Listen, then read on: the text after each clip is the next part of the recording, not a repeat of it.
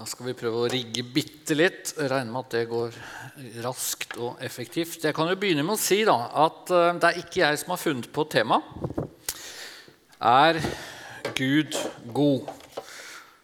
Og jeg har vel egentlig tenkt en liten stund at um, kanskje de som fant på det temaet, tenkte at det hadde vært fint med en kjempekort tale.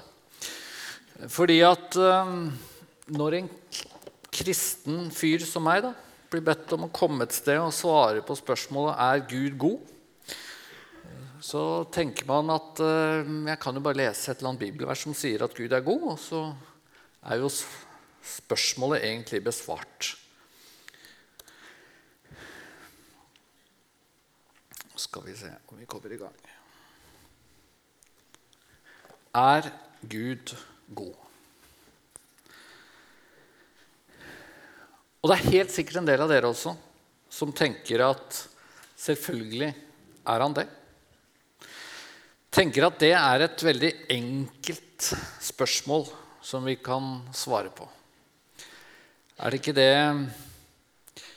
det, det betyr å være kristen? Tenke at Gud er god?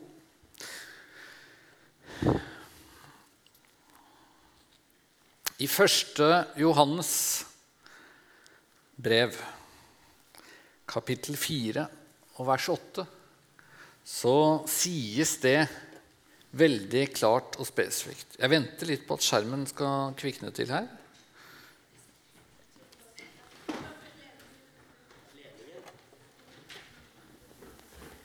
Den datt ut, ja. Da må det jo gå galt. Det forklarer saken. Det forklarer saken veldig.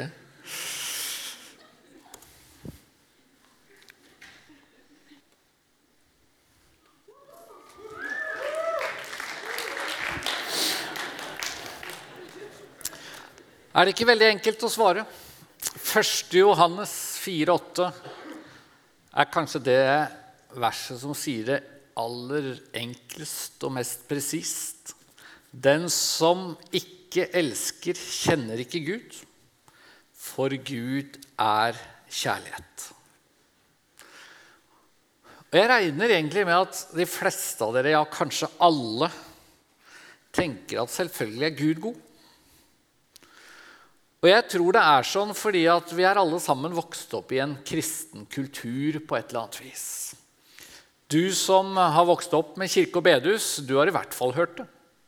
At Gud er god. Men du som kanskje ikke har vært så mye, verken i kirke eller bedehus, du har hørt det, du også, på et eller annet vis. Du har møtt det. Selvfølgelig er Gud god. Men kanskje er det ikke så opplagt som vi så fort tenker. Du har helt sikkert hørt spørsmålet Kan Gud være god og allmektig når det er så mye vondt i verden? Og når jeg hører det spørsmålet i dag, så regner jeg med at det er en eller annen ateist eller en eller annen skeptiker som stiller det spørsmålet fordi han vil si at Gud fins ikke. Kan det finnes en god Gud, en allmektig Gud, når verden ser ut som den gjør? Nei, sier ateisten. Nei, sier skeptikeren. Men den første som stilte dette spørsmålet, det var en gammel greker for over 2000 år siden. Han het Epikur. Det er han som er blitt berømt for å ha stilt dette ondes problem. Og hans svar var faktisk ikke at Gud ikke fins. Epikur trodde på en gud. Men han tenkte at svaret var som så Gud kan egentlig ikke bry seg så veldig mye. Gud bryr seg ikke.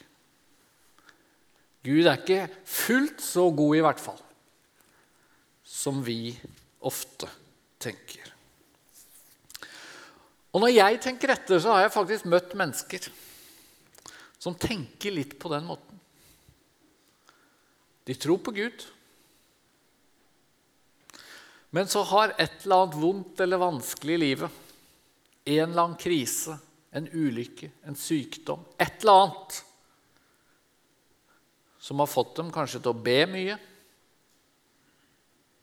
Tigge Gud om hjelp, kanskje. Og så blir svaret han bryr seg kanskje ikke så veldig mye om meg likevel. Kanskje er det noen her i kveld som, som innerst inne er litt usikker på om Gud faktisk er så god som du kanskje trodde for ti år siden. Kanskje er det noen her inne som har det oppi her, i hodet. Så er du ikke i tvil om at Gud er god. Men når du kjenner litt etter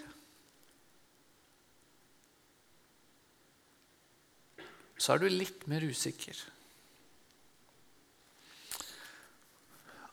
Og saken er den at, at dette møter vi også i Bibelen. Denne frykten, dette spørsmålet Bryr Gud seg egentlig? Er han så glad i meg, så kjærlig, at jeg virkelig kan merke dem? i en tekst som sier dette på en veldig sterk måte. Salme 44, vers 24 og 25. Våkn opp. Hvorfor sover du, Herre? Våkn opp, forkast oss ikke for evig tid. Hvorfor skjuler du ditt åsyn? Hvorfor glemmer du vår nød og vår trengsel? Dette er et menneske som ber. Et menneske som tror på Gud. Og likevel, altså Frykten for at Gud har glemt oss, at han ikke bryr seg, at han sover. Det sitter i hvert fall her, om det ikke sitter i hodet.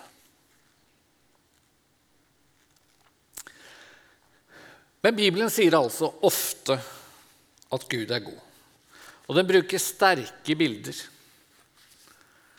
Dette er et av de sterkeste. Jesajas 49, 15. Glemmer vel en, di, en kvinne sitt diende barn, så hun ikke forbarmer seg over sitt livs sønn. Om også de glemmer, så glemmer ikke jeg. Og jeg lurer på om om alle disse tekstene, for det er mange tekster om at Gud bryr seg, om at Gud elsker oss, om at Gud er kjærlighet. Kanskje gjentas det og gjentas det og gjentas det i Bibelen. Fordi det rett og slett ikke føles sånn alltid. Fordi det egentlig ikke er noe som vi kjenner hver dag, hver time Alltid. Og så trenger vi å høre det.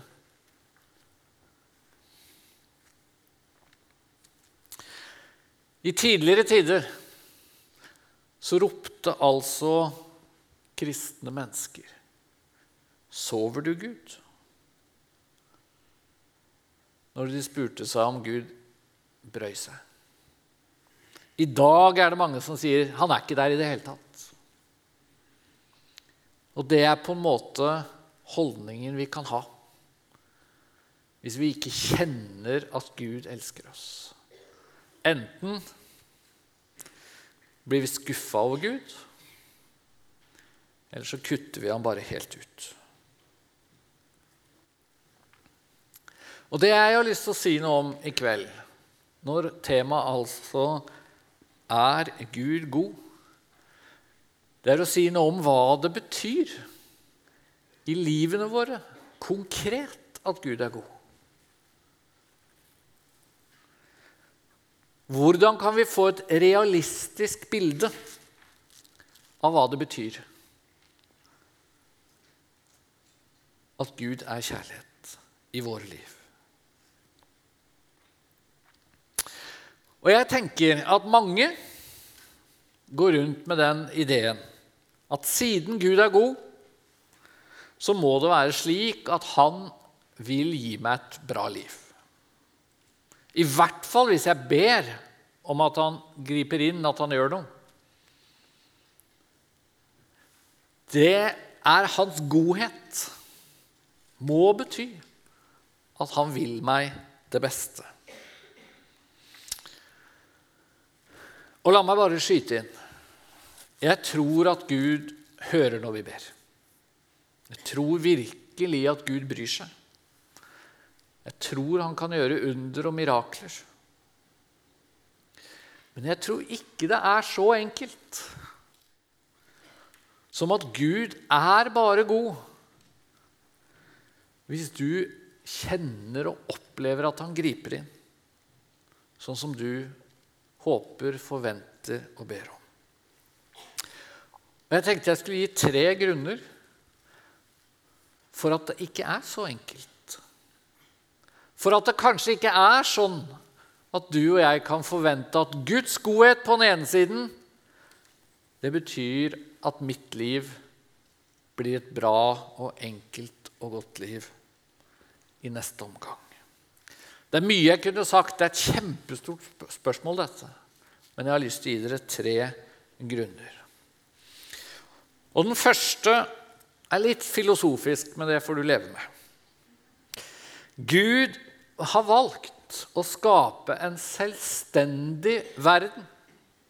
En verden som han altså står utenfor. Og Det betyr at sånn i hverdagen så styres vår verden av naturlover. Og ikke av at Gud direkte griper inn fra sekund til sekund. Gud styrer vår verden indirekte. Det er sånn han har lagd vår verden. Og Det betyr at du kan altså gå en hel dag og ha et fint liv uten å måtte forholde deg til Gud. Og så kan man jo tenke over hvorfor er det sånn? Hvorfor valgte Gud å skape en så selvstendig verden at f.eks. mennesker kan gå rundt og si han fins ikke? Og det går ikke an å peke. Jo, se. Når vi går ut i kveld, så ser vi at han sitter bak månen, eller et eller annet sånt. Gud har skapt en verden som ruller og går på egen hånd. Og Jeg tror ikke at Bibelen gir et sånn helt presist svar, så Kanskje spekulerer jeg litt nå. Men jeg tror faktisk at Gud ønska å lage en verden hvor det ikke ligger noe tvang til tro innebygd. Rett og slett fordi Gud mer enn noe annet vil at du og jeg skal elske ham. Det er det første og største bud. Du skal elske Gud av hele ditt hjerte, osv.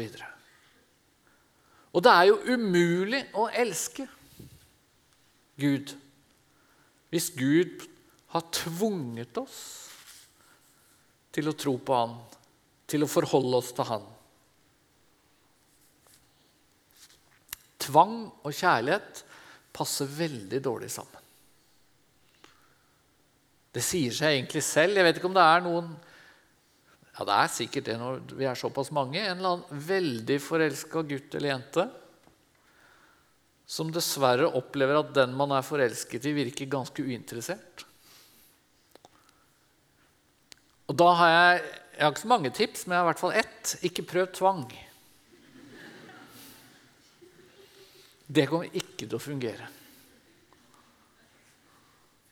Det sier seg egentlig selv. Du vil egentlig ikke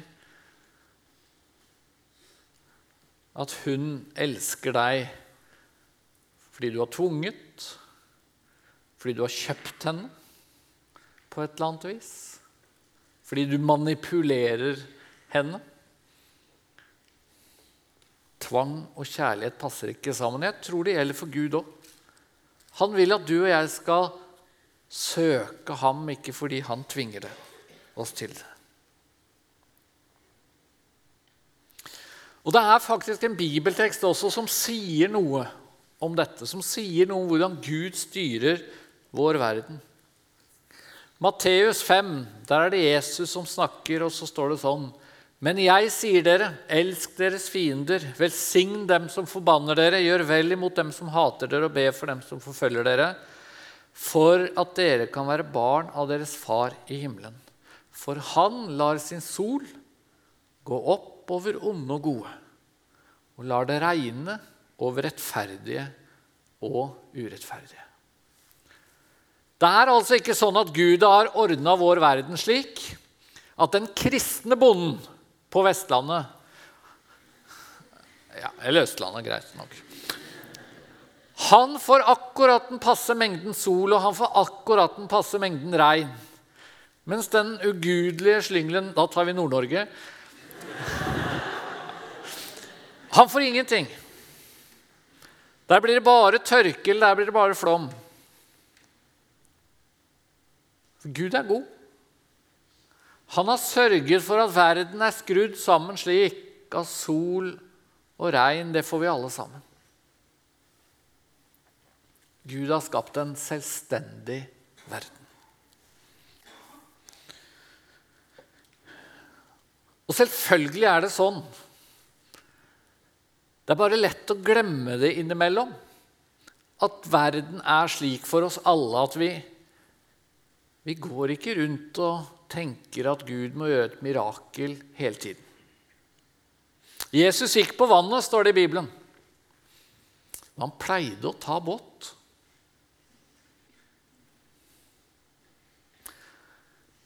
En gang, eller kanskje var det to ganger, Jesus mettet mange mennesker ved et under, et såkalt brødunder. Men det står i Bibelen at disippelflokken hadde en pengepung som de brukte for å kjøpe mat. Så de pleide å handle. Og selv om jeg altså er kristen og tror på mirakler og sånn, når jeg skulle hit på møte i dag, og det er buss for tog, så tenker jeg ikke Nei, nå ber jeg Gud om å teleportere meg. Det må han vel klare. Han vil vel at jeg kommer til Muff i kveld. Gud har skapt en selvstendig verden der det først og fremst er naturlover og den slags som ordner. Men så fungerer ikke denne verden helt perfekt lenger. Vi lever alle i syndens verden. Gud lar sin sol gå opp, han lar det regne, men likevel så blir det av og til tørke. Av og til hungersnød. Av og til flom. Av og til blir vi syke. Alvorlig syke, eller ikke fullt så alvorlig syke, men irriterende syke. Sånn er det fordi denne verden er ikke akkurat som Gud ville ha den. Vi lever i syndens verden. Og Det er også grunnen til at ditt liv aldri blir perfekt.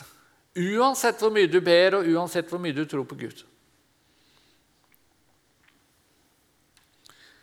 Vi lever i en verden hvor det står at djevelen er denne verdens gud, faktisk, et sted.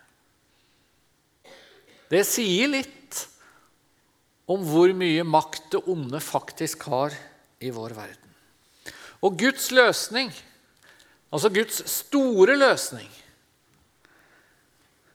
det er ikke å ordne opp bare folk ber riktig. Så faller alt på plass. Hadde han gjort det, så hadde han jo vært annerledes enn vi akkurat har lest. Han lar sin sol gå opp over onde og gode.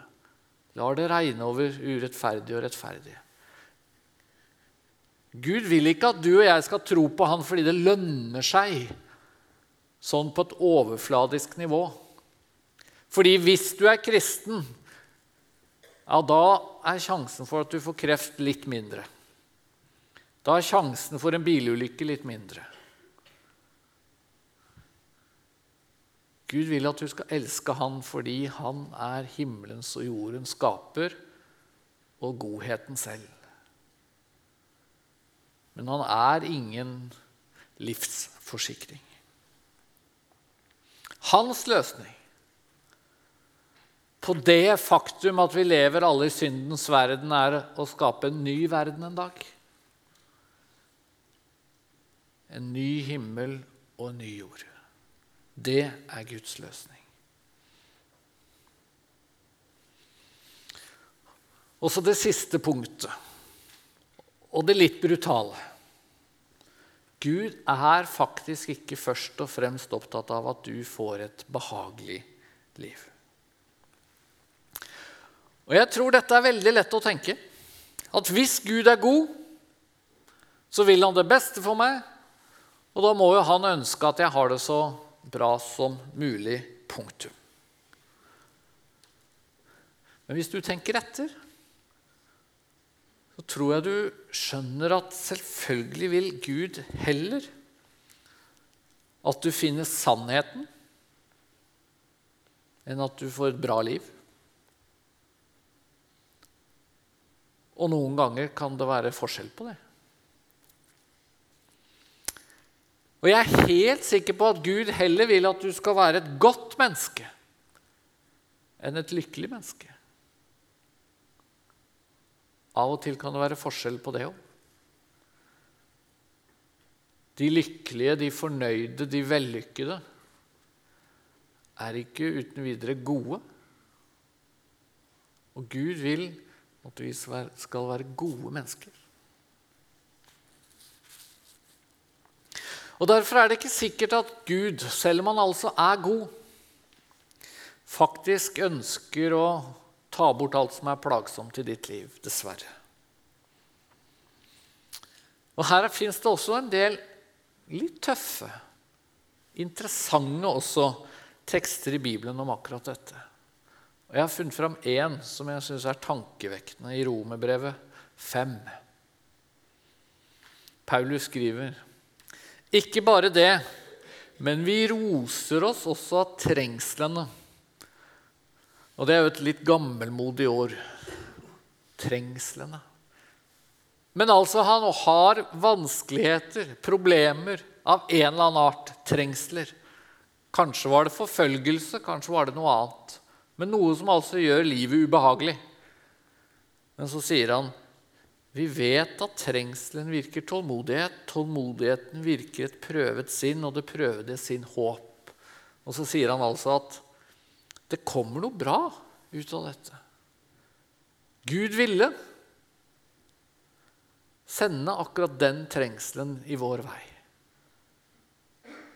Og så ble han da kanskje et klokere menneske og et bedre menneske. Og Nå var det viktig for meg å trekke fram dette som siste punkt, punkt C, som det står her. Fordi dette er ikke det eneste svaret jeg ville gi. For i så fall så virker det som at vi skal gå rundt og tenke som kristne at hver gang det skjer noe fælt, ja, så sender vel Gud det, da. Sånn at jeg får tålmodighet og et prøvet sinn og håp og sånn. Og så skjematisk og så matematisk vil jeg på ingen måte si det. Det kunne ikke falle meg inn å si hvis jeg møtte ei jente som var blitt voldtatt av faren sin. Og si at jo, nå skal du høre trengselen virker tålmodighet, og tålmodigheten virker et prøvet sinn, og det prøvde sin håp. Det skjer mye fælt i denne verden fordi vi lever i syndens verden, som jeg akkurat har snakket om. Fordi vi lever i en selvstendig verden hvor valg du og jeg tar Det er ikke slik at Gud griper inn hver gang han syns du gjør noe dumt. Men det er altså et poeng også å få sagt at når vi lever i en sånn verden, så kan det hende Gud ser at noe av det som er ubehagelig, noe av det som er vanskelig, det kan gjøre det til et klokere menneske eller et bedre menneske. Et menneske med et prøvet sinn Et menneske med mer håp. Er ikke det flott? For mange år siden så møtte jeg en, en mann som hadde fått to funksjonshemmede barn. Sterkt funksjonshemmede barn. Og Vi satt og snakket, og det var tydelig at han og kona hadde et ganske tøft liv. Det hadde blitt veldig endret. Før de fikk barn, så hadde de reist verden rundt, og det var drømmen. Og nå hadde de aldri fri, var aldri på tur. Og så snakket vi lenge sammen, og så plutselig sier han Men jeg er blitt mer glad i himmelen på grunn av dette.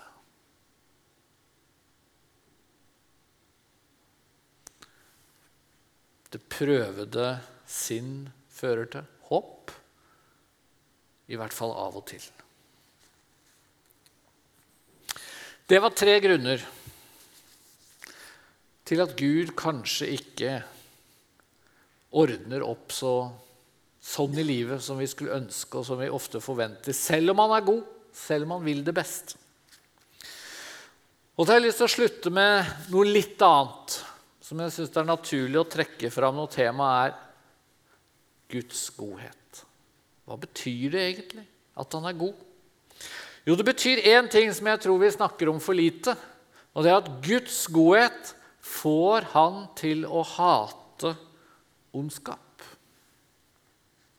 Jeg vet ikke om du har tenkt over det, men av og til så, så møter jeg kristne som sier ok, Gud er god, Gud er kjærlighet og sånn, men det, det, vil jeg ikke prate så veldig mye om, for det vet vi. Men vi må si at Gud er jo hellig. Og så blir Gud på en måte veldig sånn dobbel. Han er god på den ene siden, og så på, liksom på den helt andre siden så er han hellig.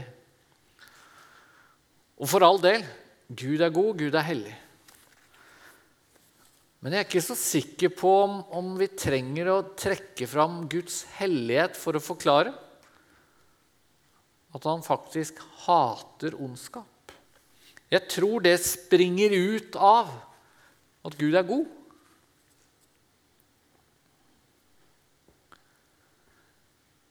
For et godt menneske, selv om det ikke er like godt som Gud er god, vil jo hate, eller i hvert fall bli fortvilet, sint, frustrert i møte med ondskap. Hvis jeg har en sønn som forteller at han har en lærer som mobber ham på skolen hvis jeg er en god far da, så blir jeg jo sint, ja, kanskje rasende, på denne læreren som krenker min elleveåring, som tråkker på min elleveåring. Du kan være verdens beste menneske, verdens mest kjærlige person, og rasende. Har du tenkt på det? Det er ikke nødvendigvis syndig å være sint. Hvis den, det sinnet handler om at du ikke tåler urettferdighet, at du ikke tåler at noen bedrar eller lurer eller tråkker på andre mennesker. En jødisk forfatter som het Eli Wiesel, han sa en gang det motsatte av kjærlighet er ikke hat, men likegyldighet. Det syns jeg er fantastisk godt formulert. Og jeg tror det gjelder for Gud. Det motsatte av kjærlighet er likegyldighet. Ja. Hvis Gud er god, så kan han ikke være likegyldig. Da hater han synd ondskap, krenkelser. Det er fordi han vil verne det gode, beskytte det gode. Det er én tekst vi avslutter med den. Ja, jeg har visst en til. Sorry. Ja. Jeg skal ikke lure dere, men vi er straks ferdig. En tekst som jeg syns viser hvordan Jesus både var god, kjærlig, mild, men også temmelig røff. Markus 10. De bar små barn til ham for at han skulle røre ved dem, men disiplene truet dem som bar dem. Da Jesus så det, ble han harm og sa til dem, la de små barn komme til meg, hindre dem ikke, for Guds rike hører slike til. Sannelig sier jeg dere, den som ikke tar imot Guds rike som et lite barn, han skal slett ikke komme inn i det. Og han tok dem på fanget og la hendene på dem og velsignet dem. Og De av dere som har gått på en søndagsskole, har antagelig møtt denne fortellingen. Kanskje du har sett et bilde, et maleri en gang av Jesus som sitter der som verdens mildeste menneske, med barna på fanget. Det er få fortellinger, faktisk, som så til de grader viser fram den gode Jesus, den kjærlige Jesus. La de små barn komme til meg. Og midt i en sånn tekst så leser vi at han ble harm. Han ble sint fordi det var noen som prøvde å hindre barna. Sånn er godheten. Den tåler ikke urett. Og Det betyr at Gud har faktisk et problem med deg og meg. På den ene siden så elsker han oss. Han har skapt oss i sitt bilde. Han vil at du skal ha det så bra som bare mulig etter hans målestokk. Men han hater feilgrepene dine. Han fordrar ikke egoismen din. Han vil ikke at du skal tråkke på andre, lure andre, bedra andre. Han vil ikke at du skal tenke mer på deg selv enn de som står deg nær. Og det var Guds godhet som gjorde at han da sendte Jesus. Det ble løsningen. 1. Johannes 4. I dette er kjærligheten. Ikke at vi har elsket Gud, men at Han har elsket oss og sendt sin sønn til soning for våre synder. Bare sånn kan Gud elske deg tvers igjennom. Først elsker han deg fordi du er skapt av han. Og så kan han elske deg fordi Jesus sonte syndene dine. Amen.